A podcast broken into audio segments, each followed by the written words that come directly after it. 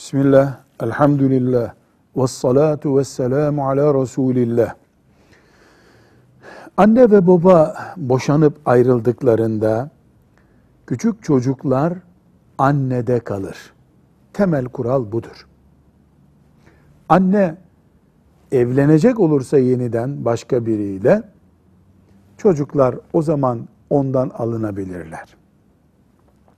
Veya annenin sağlık gibi, çok kötü ahlaksızlık gibi maazallah bir engeli varsa yine ondan çocuklar alınabilir. Normal şartlarda çocuklar annede kalır.